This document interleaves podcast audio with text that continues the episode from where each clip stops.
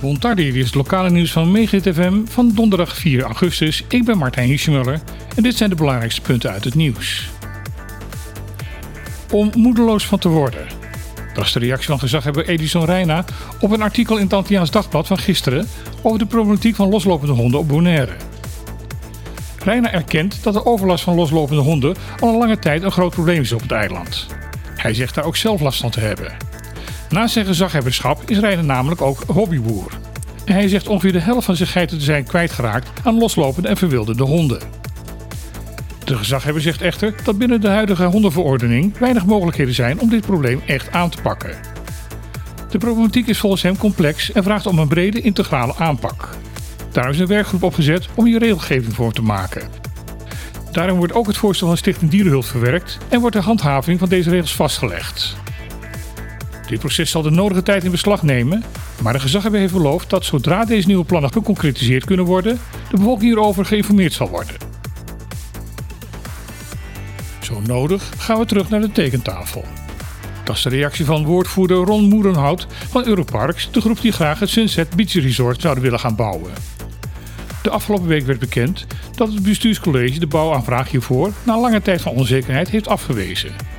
Te hoog, te veel op een kleine ruimte en daarmee niet passend in de visie die Bonaire momenteel heeft over de toekomst van toerisme op het eiland, was het uiteindelijk oordeel van het college.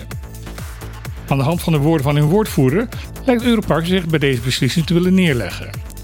Dat is opvallend omdat volgens eigen zeggen al een groot deel van de appartementen die gebouwd moesten worden al verkocht zijn en de projectontwikkelaar in een eerdere reactie heeft gedreigd om in een rechtszaak een schadevergoeding van 40 miljoen te willen eisen. Nu uiteindelijk de beslissing door het OLB genomen is, lijkt dat dreigement van de baan te zijn. Woordvoerder Moerenhout zegt er vertrouwen in te hebben dat het overleg met OLB uiteindelijk zal leiden tot een goede uitkomst waar zowel Europarks als het OLB tevreden mee is. Ruim 900.000 dollar. Dat is de opbrengst van de eerste maand van de toeristentax Nieuwe Stijl. Dat is bijna vier keer zoveel als wat in 2019 per maand binnenkwam met het oude systeem. Dat heeft gedeputeerde Hennis Tielman verteld tijdens een persbijeenkomst over de nieuwe belasting. Een ander voordeel volgens Tielman is dat het geld direct op de rekening van het OLB binnenkomt.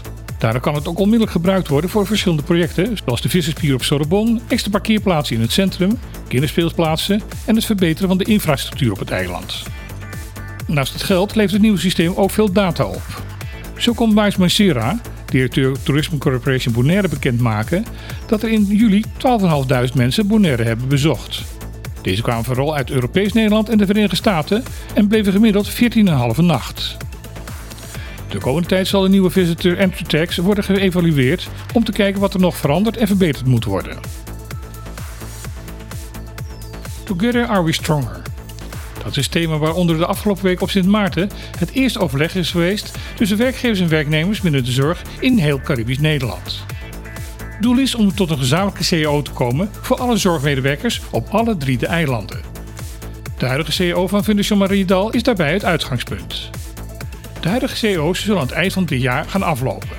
Daarom is streven om op 1 januari 2023 tot een zogenaamde raam-CEO te komen die voor de hele best zal gaan gelden. Het blijven leveren van kwalitatieve goede zorg aan de bewoners van Bonaire, Sint-Eustatius en Saba staan voor alle organisaties en vakbonden voorop. Ook heeft de partij zich uitgesproken dat de huidige verschillen in salarissen tussen de eilanden voor dezelfde functies zullen moeten gaan verdwijnen. Dit was het lokale nieuws van vandaag. Ik wens u nog een hele goede dag en graag tot morgen.